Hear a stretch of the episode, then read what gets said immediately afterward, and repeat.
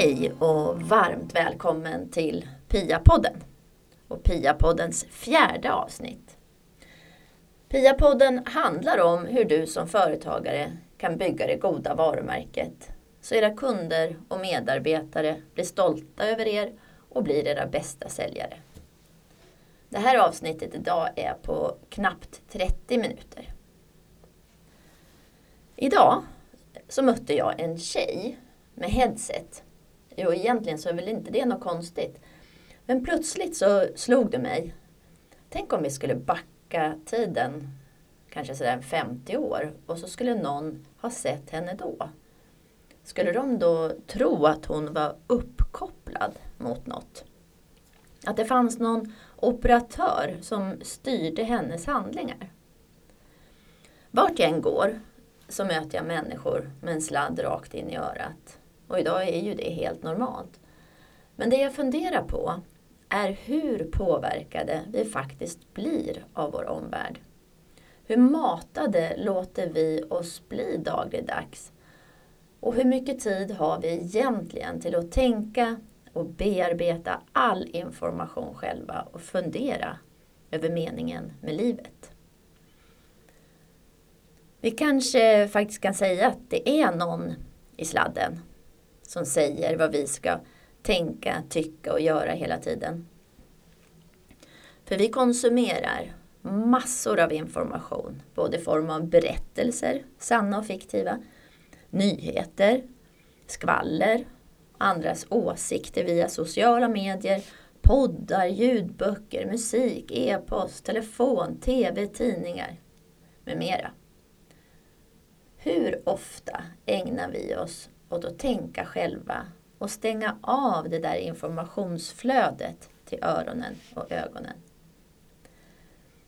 Mina bästa idéer och tankar kommer alltid då jag är ute i skogen. Det är tyst. Och allt jag bär med mig är det jag upplevt genom hela mitt liv fram tills då. Då får min hjärna äntligen en chans att bearbeta all information och koppla ihop olika sammanhang med varandra. Och där växer nya idéer och lösningar fram. Helt plötsligt bara pop, så poppar de fram utan att man ens har bett om dem. Om det är så att eh, hjärnan ibland behöver få vara i fred för att få processa och sortera alla intryck.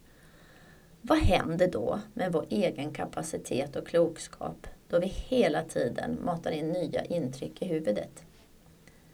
Bestämmer vi verkligen själva vad vi ska tänka, tycka och göra? Eller är det någon annan, via den där sladden, som bestämmer vad vi tycker är viktigt i livet? Har vi blivit robotar utan att riktigt förstå det? Vi behöver prata om meningen med livet och meningen med arbetslivet. Sommarprataren Thomas Sjödin sa att det är när vi har bråttom som vi trampar sönder blommorna. I dagens avsnitt så kommer vi gå igenom tre punkter. 1. Framgång kan mätas på många olika sätt. 2. Av vilka skäl ska vi engagera oss i hållbarhet? 3. Bygg ett starkt varumärke med en stark vision. Med några tips. Jag heter Pia Andersson och jobbar som varumärkesledare, föreläsare och författare. Och jag har en dröm och det är att det är vi företagare som tillsammans har sett till att vi har nått de globala målen. När vi har nått de globala målen, då lever vi i en fredlig, rättvis och jämlik värld, helt fri från fattigdom och klimathot. Jag vill uppnå min dröm tillsammans med dig och därför driver jag PIA-podden. Men vi börjar med den första punkten. Framgång kan mätas på många olika sätt. Utan att tänka efter nu om du bara tar det lite på uppstuds. Det som först kommer till ditt huvud. Okej? Okay? Och så tänker du på någon person lite snabbt som du anser vara framgångsrik. Har du hittat någon? När du hittar den personen så kan du ställa dig frågan vad det är hos den här personen som får dig att tro att hen är framgångsrik. Många som definierar framgång tänker på pengar, makt och status. I västvärlden finns det en vald sanning om att du är det du äger eller att du är det du jobbar med. Att vara känd är det ju många som tycker är att vara framgångsrik också. För ganska länge sedan så träffade jag en man som nog skulle kunna anses ha både stor makt och rikedom. Och jag frågade honom hur det var att vara så där framgångsrik. Och han svarade, framgång kan mätas på många olika sätt. Jag har burit med mig de orden under drygt tio år. Det fanns något intressant där. Få tänker på framgång som att hjälpa andra, glädjen i att se andra växa eller som en stor portion av frihet, egen tid, goda vänner och kärlek. Jag vill prata om hur vi ser på framgång eftersom jag tror att grunden till ett företags vision sitter i ägarnas egen definition av framgång. För sex år sedan så vaknade jag upp mitt i natten av att ett tåg körde över mig i tunnelbanan. Ljudet var öronbedövande. Jag vaknade upp och så tänkte jag att äh, jag undrar om, jag har, om det här är panikångest. Sen började allt snurra runt. Det var som om någon hade spänt fast mig i en karusell som bara gick runt, runt, runt och jag kunde inte kliva av. Ambulansen kom och hämtade mig och jag var kvar på sjukhuset i några dagar tills yrseln hade lagt sig. Och jag fick åka hem med diagnosen minjär. En vecka senare så ringer min chef. Han undrar inte bara hur jag mår utan han vill även berätta att jag inte har något jobb kvar. Och där står jag, ensamstående med fyra barn, villa, sjuk och arbetslös. Och tack vare det så har jag utvecklat modellen 5V-5P, skrivit två böcker, byggt ett varumärke själv och byggde goda varumärket, driver företaget 5V-5P och PIA-podden. För jag hade tur som fick möjligheten att tänka igenom vad som är viktigt för mig i livet. Jag ifrågasätter varför semester skulle toppas med en dyr utlandsresa. Vem har bestämt att vi ska jobba heltid alla veckor på ett år förutom en semester vi har på kanske sådär en fem till sju veckor.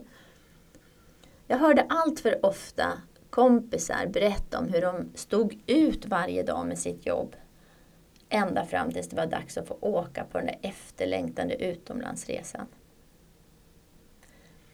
Jag ifrågasatte varför det skulle vara så att man skulle jobba så hårt för att tjäna ganska mycket pengar för att ha råd att åka på en utomlandsresa i kanske en eller två veckor hela familjen. Istället för att ha möjligheten att jobba lite mindre och ha det bra varje dag men kanske stanna kvar hemma på semestern istället. Jag ifrågasatte djupt idén om att vi alla ska jobba heltid, åtta timmar per dag, fem dagar i veckan. Vem har sagt att det ska vara så? Jag ifrågasatte tävlingen om högst inkomst vinner. Och att den som stressar mest får mest gjort. Jag ifrågasatte vår stora girighet om man bara vill ha mer och mer hela tiden. Varför behöver vi en sån hög lön? Är det för att vi ska kunna köpa mer saker än vad vi egentligen behöver? Vår konsumtion och iver att hela tiden renovera, köpa nytt, kasta ut gammalt kostar massor med pengar och vi släpper ut massor med koldioxid. Min mormor diskade plastpåsar och hade en och soff samma soffa hela livet.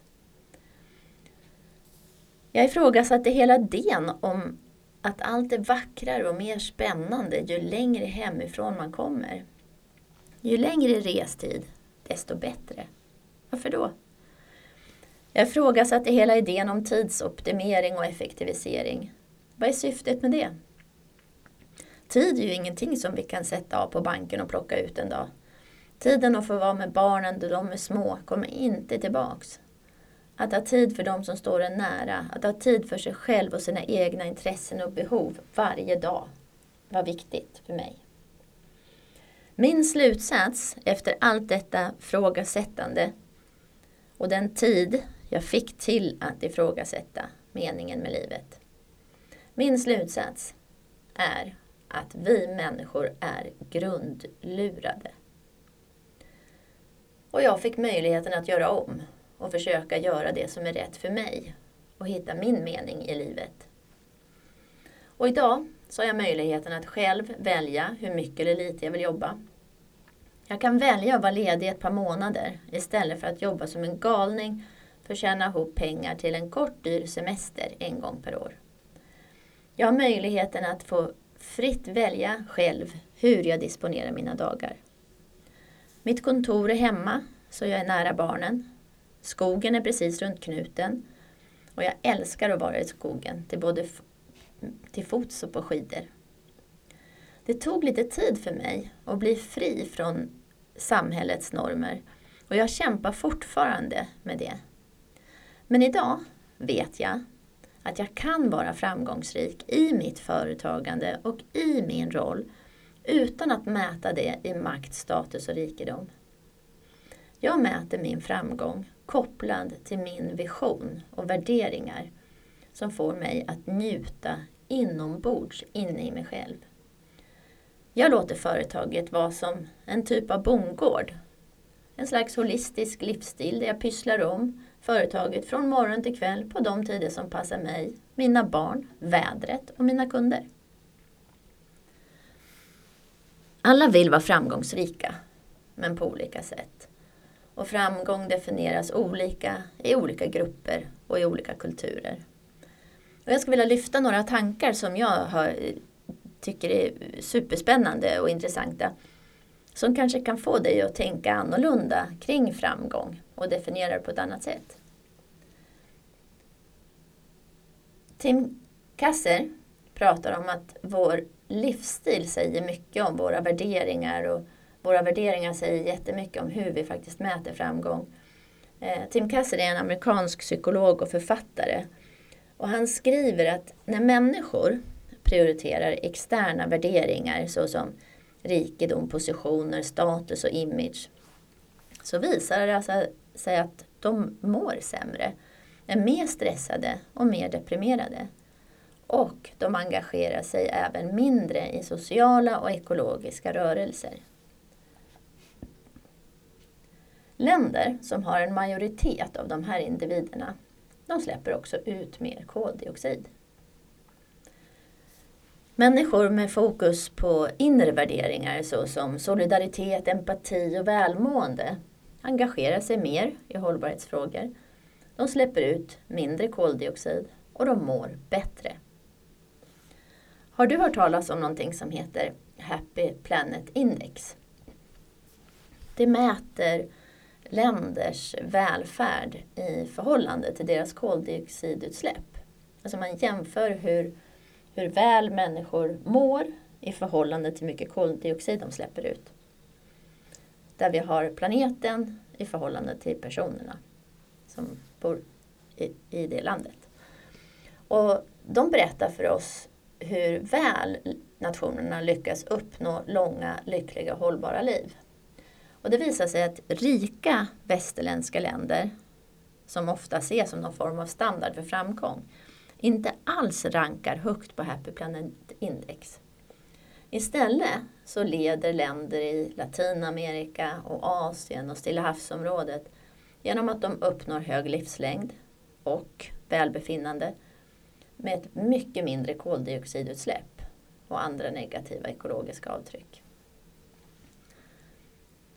Två forskare, Angelöv och Jonsson, de är forskare i socialpsykologi. De har tillsammans skrivit en bok som heter Individ och miljö. Och de menar att hög status idag handlar om vad man äger och inte vem man är.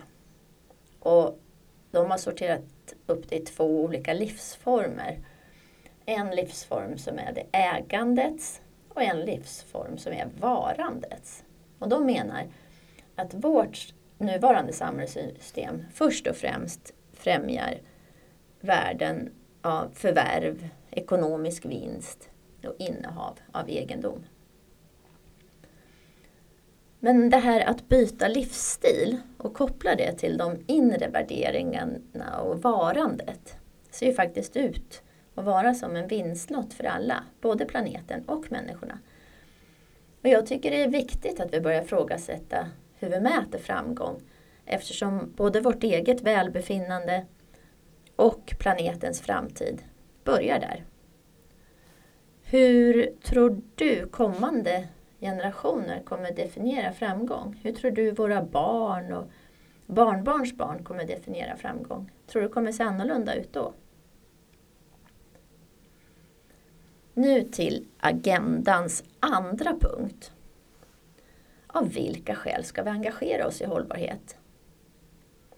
Ja, vilka skäl är egentligen rätt? Är det de ekonomiska skälen? För hållbarhet har ju visat sig vara lönsamt. Eller är det för att det stärker varumärket? Eller är det på grund av att lagar och regler säger så? Finns det etiska skäl som man bör svara upp mot? Är det för att medarbetare, kunder och samhället förväntar sig det? Eller ska man engagera sig av rent filantropiska skäl därför att ägarna själva och ledningen vill vara med och bidra till en bättre värld för sin egen och framtida generationers skull? Allt för ofta så hör jag både företagsledare men faktiskt även företagsrådgivare säga att först behöver du säkerställa att ditt företag är lönsamt. Sen kan du engagera dig i hållbarhet. Och en del företagsledare menar att det ökade intresset för socialt ansvarstagande gör att företagen har fått en ny roll. Och att CSR därför hotar marknadsekonomin. De menar att företag bidrar bäst i samhället genom att producera tjänster och produkter till bättre kvalitet och lägre pris än konkurrenterna inom rådande lagar och av vinstintresse.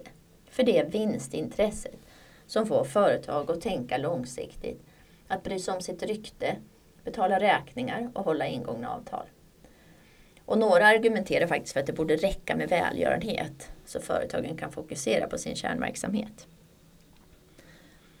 Vi företagsledare behöver ta ställning till hur vi förhåller oss till de globala målen och hållbarhet och av vilka skäl vi väljer att engagera oss för att skapa så stor nytta som möjligt för medarbetare, leverantörer, kunder, ägare och hela samhället.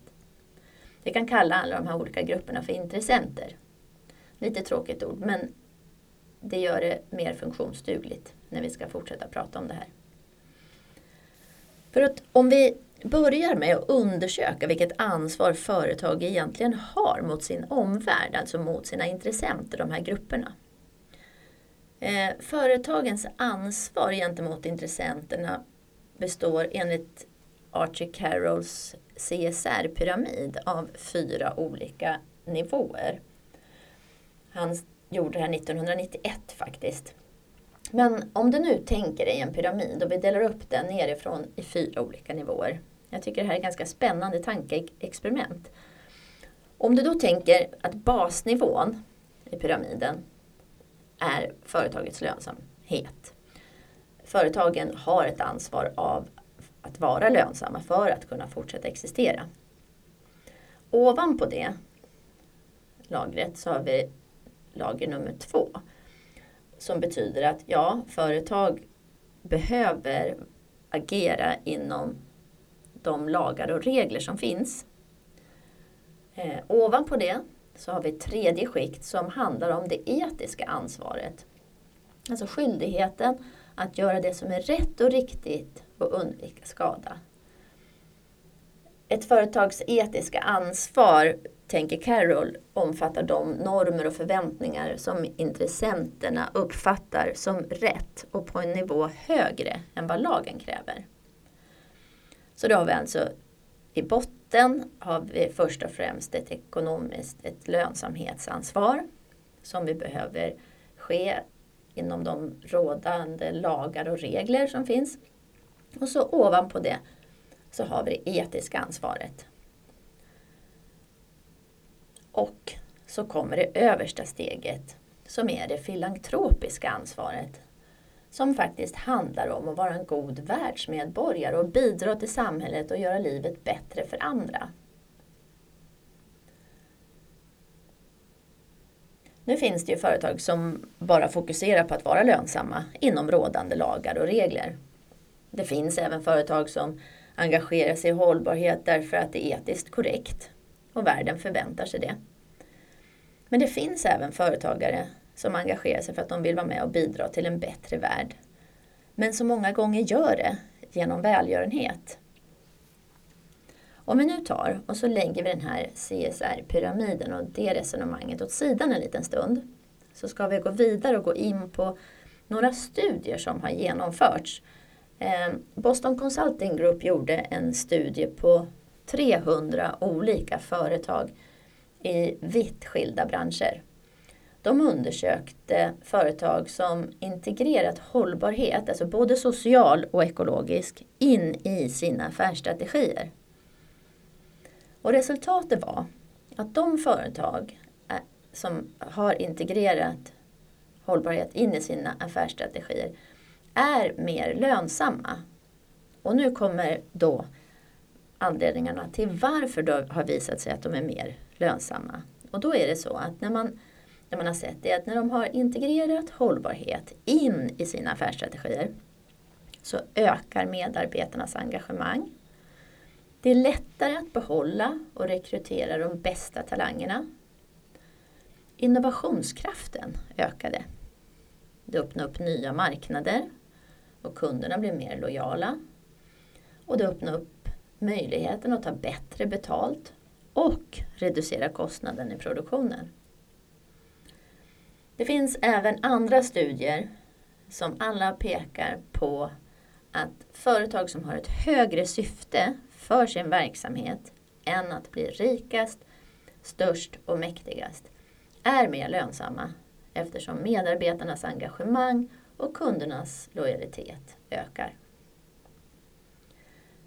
Min slutsats och svar på frågan av vilka skäl som företagen bör engagera sig i hållbarhet är att det mest helgjutna, holistiska, mest kraftfulla sättet att genomföra sitt hållbarhetsarbete på och som gynnar alla medarbetare, kunder, leverantörer och ägare mest är att starta i den filantropiska nivån i pyramiden. Alltså det översta lagret i pyramiden, toppen. Och ställa sig själv frågan om vilket filantropiskt ansvar vi vill ta och på vilket sätt vi vill vara en god världsmedborgare och bidra till samhället och göra livet bättre för andra. Om eh, du startar på toppen av CSR-pyramiden i det filantropiska ansvaret och sätter visionen kopplad till de globala målen för ditt företag så kommer det faktiskt genomsyra företagets affärsstrategier och på det viset så löser sig etiken, lagar och regler och företagets lönsamhet på ett självklart sätt. Nu till dagens tredje punkt. Bygg ett starkt varumärke med en stark vision. Och här kommer några tips. Att ha ett högre syfte med sin verksamhet och sitt arbetsliv ger många ringar på vattnet, precis som jag pratade om tidigare. Att ha ett eh, högre syfte för verksamheten som attraherar dig själv, dina medarbetare, kunder och hela samhället är lönsamt på många olika sätt. Precis så som studierna visade. När vi hittar ett högre syfte för vår verksamhet som är i samklang med världen och det sammanhang vi lever i och verkar i blir arbetslivet och vår roll mer meningsfull. Att vi som en liten pusselbit, var och en, är med och bidrar till något större tillsammans. Men en vision behöver först och främst attrahera dig själv. Om inte du älskar visionen så kommer ingen annan att göra det heller. Så hela visionsarbetet börjar med dig och vad du drömmer om. När jag frågar människor om hur de vill ha det i sitt liv och vad de drömmer om eh, så blir många helt blanka i ögonen. Och vet faktiskt inte vad jag pratar om. Jag vet inte hur det är för dig. Om du har ägnat meningen med livet och hur du skulle vilja ha det i livet. Om du har tänkt mycket på det, om du ägnar mycket tid åt det. Eh, men vad, vad drömmer du om? Vi har olika drivkrafter. Och alla drivs inte av att skapa ett imperium som ger stor ekonomisk vinst. För många handlar det om helt andra drivkrafter och behov. Vilka i sin tur kan leda till stora möjligheter och ekonomiska vinster. Men vi behöver komma ihåg att eh, framgång kan mätas på många olika sätt.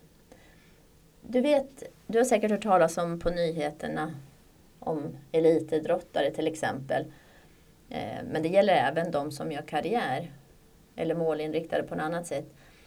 Som har satt upp tydliga mål för vart de ska vinna OS eller VM. Eh, och gasat på i tron på att när jag kommer fram, när jag kommer fram, då finns det en skatt där vid regnbågens slut. Bara de ska komma i mål så kommer livet bli helt underbart. Men eh, vid målgången så är det inte säkert att de hittar den där skatten. Och många upplever en tomhet. Det kan kännas som om meningen med livet försvann. Och många ställer sig frågan om var det verkligen det här som jag strävar så hårt för i så många år? För att det inte ska bli så så tänker jag att vi behöver fundera över hur vi vill ha det i livet och arbetslivet innan vi sätter upp en vision. Så att vi kan ha fokus på ett tillstånd under resan mot visionen. Vet du eh, hur ditt drömtillstånd känns och hur det är? När du mår så här helt fantastiskt toppen och tycker livet är outgrundligt roligt. Vi kan kalla det ett eh, känslomässigt drömläge kanske. När livet är helt toppen. Det skulle till exempel eh, kunna vara att man är lycklig, harmonisk, trygg, glad, uppsluppen, fri, nöjd. Ett sätt att hitta det där tillståndet på är faktiskt att backa tillbaks till eh, favoritlekarna som du hade som barn. Kan du eh, komma ihåg dina favoritlekar? Eh, jag tyckte jättemycket om att bygga kojor, fast jag lekte inte så mycket i dem sen. Jag älskade att spela fotboll och jag byggde lego. Och för mig så var lekarna en egen oas. Och jag kan komma ihåg hur det kändes i kroppen när jag lekte de där favoritlekarna. Kan eh, du komma ihåg dina favoritlekar? Och när du tänker på de lekarna, kan du då lägga märke till hur det känns i kroppen? Om du gör det, så försök att häng kvar i det tillståndet och kom ihåg det. Och så tänker du så här att, tänk om arbetslivet kunde få vara som dina favoritlekar. Att det skulle kännas på samma sätt att gå till jobbet och jobba som att leka. Och det är inte omöjligt på något vis. För det är faktiskt så att man bara får syn på det och sätter ord på hur man vill ha det i livet så kan man sen sätta en vision för företaget som kan ta oss och låta oss vara i det drömläget. Spar det här drömläget en liten stund nu inom dig. Så går vi vidare och pratar lite grann om visionsarbetet. Eh, jag tänker att eh, visionen är som en slags present som vi kan få öppna någon gång. Eh, du vet den där presenten som man har önskat sig över allt annat och som man längtar så efter att få. Kanske lite grann sådär som man kände under jularna när man var liten och någon julklapp låg under granen som det stod mitt namn på. Tänk om du kunde hitta en vision med ett högre syfte som knyter an till de globala målen. En vision som visar hur ditt företag är med och bidrar till en bättre värld. En vision som ger dig samma tillstånd som dina favoritlekar. För då är du i toppen av den här CSR-pyramiden på den filantropiska nivån.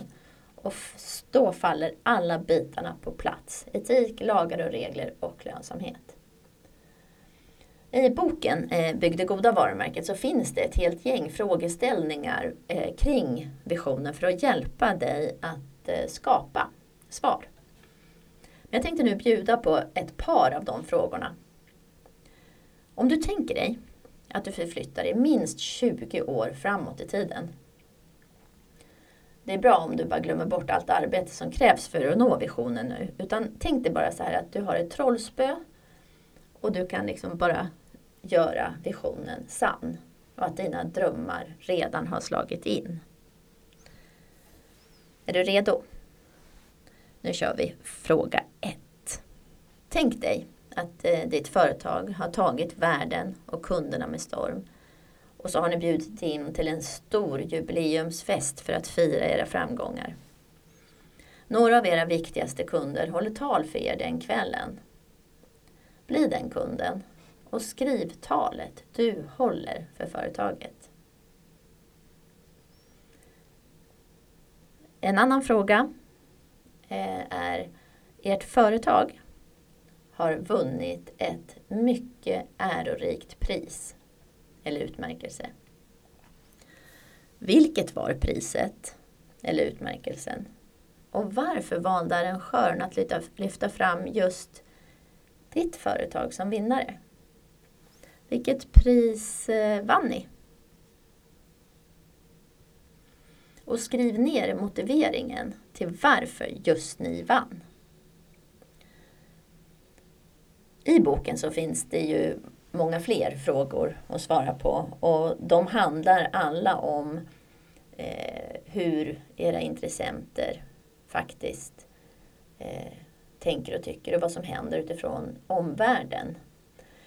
Alla de, när ni svarar på de här frågorna så är det ju så att ni sår eh, några slags eh, visionsfrön som du sen eh, kommer att se att alla de svar du ger utifrån olika perspektiv har en röd tråd. Och när du hittar den så kommer du också kunna summera det här till en stark vision och undersöka om inte det är så att den är med och bidrar till de globala målen.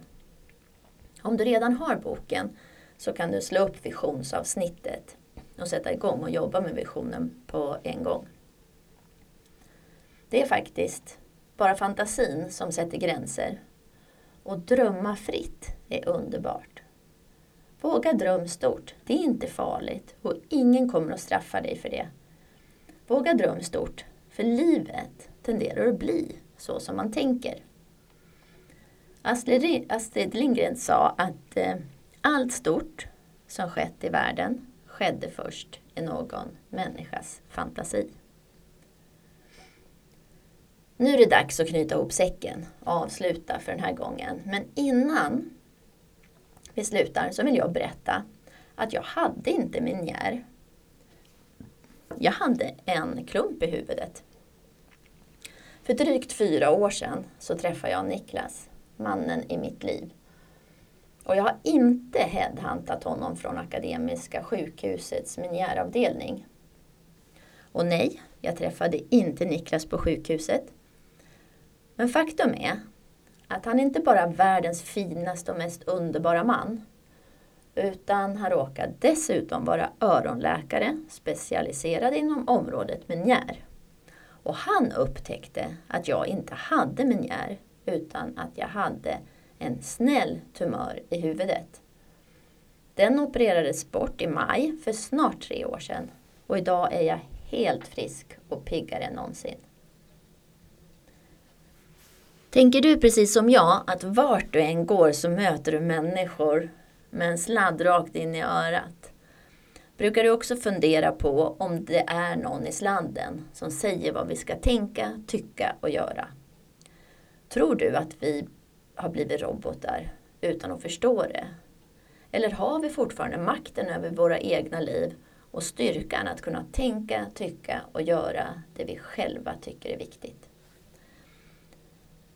Syftet med PIA-podden är att visa dig hur du kan utveckla ditt företag tack vare de globala målen. Om du vill förkovra dig mer så kan du gå in på min hemsida 5v till 5p.se och kanske göra någon digital utbildning, lyssna på en kort föreläsning eller beställa en signerad bok direkt av mig. Tack för att du har lyssnat på PIA-poddens fjärde avsnitt. Ha det fint så länge. Hej då!